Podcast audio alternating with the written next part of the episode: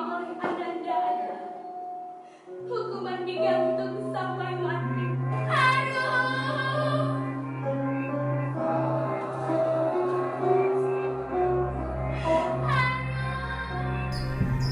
Dihaturkan yang mulia ibundaku Aswiani binti Bang yang diingati siang dan malam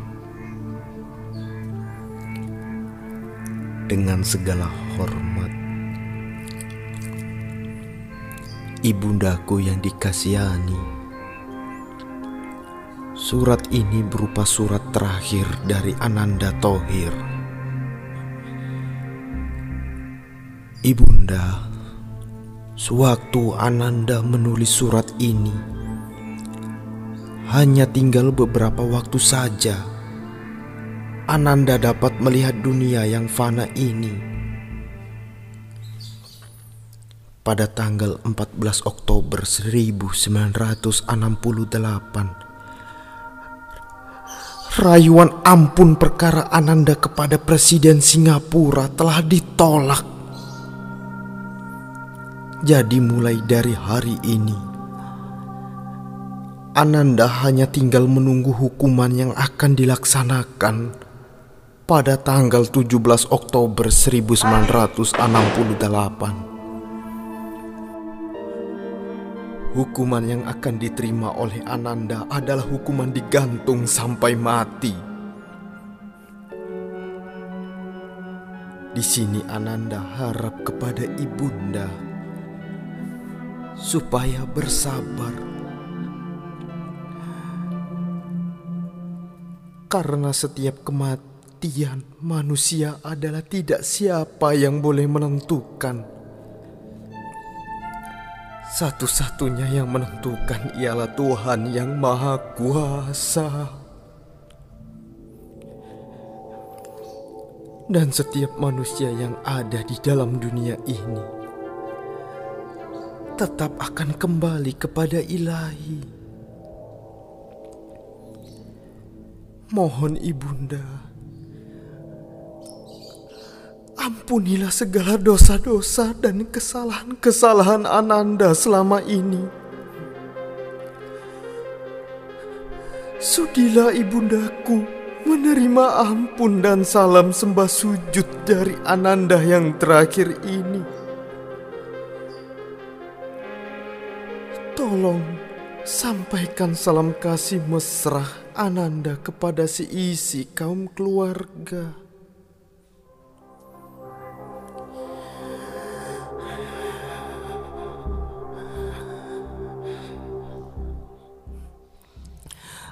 Ananda tutup surat ini dengan ucapan terima kasih dan selamat tinggal untuk selama-lamanya. Amin. Hormat Ananda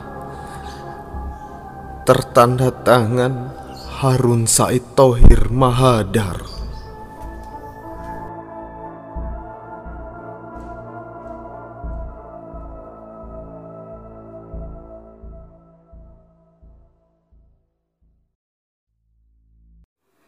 Sudah pukul 12 malam.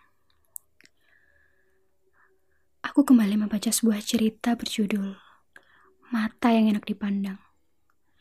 Karya seseorang yang kukagumi. Namanya Ahmad Tohari. Aku duduk di bangku paling belakang, sebelah kiri gerbong ekonomi. Di kereta yang membawaku dari arah barat ke timur. Sebuah perjalanan yang berulang, namun selalu saja memiliki kesan yang tersendiri. Yang lalu, aku duduk dengan seorang laki-laki. Dengan gerik-geriknya yang membuat aku kurang nyaman. Dia suka tiba-tiba melirik. Atau bahkan mencuri pandang. Sebelumnya lagi, aku duduk dengan seorang ibu yang sedikit bicara, tapi lebih banyak senyum ketika kami tak sengaja bertatap muka. Kemudian ibu itu membicarakan anaknya yang sudah sebesar aku. Malam ini bangku di sebelah kananku masih kosong. Namun di hadapanku, duduk sepasang kekasih yang merasa paling mesra di bumi. Cerpen yang sedang kubaca dibuka dengan tokoh bernama Mirta yang sedang berdiri di seberang stasiun. Entah dari mana asalnya, aku merasa ada desir angin yang mencoba mengganggu konsentrasi membaca. Aku terdiam, kemudian menoleh pada kaca yang berada di sebelah kiri. Keretaku berhenti di sebuah stasiun yang tak sempat kulihat namanya. Mataku bekerja seolah mencari sepasang mata yang paling enak dipandang. Atau sekiranya dua bola mata yang mampu mencuri perhatian dari kerumunan orang yang hendak naik maupun turun dari kereta.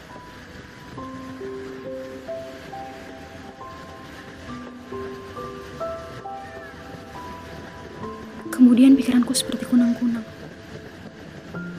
menerobos gelap malam dan melayang-layang.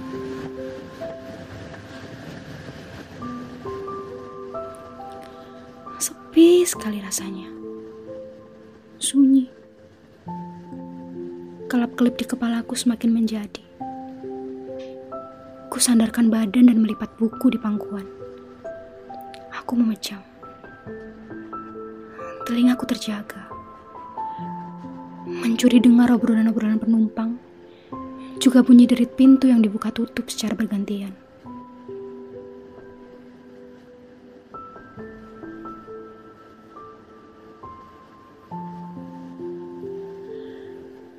Tiba-tiba aku mencium aroma khas dan akrab di hidungku.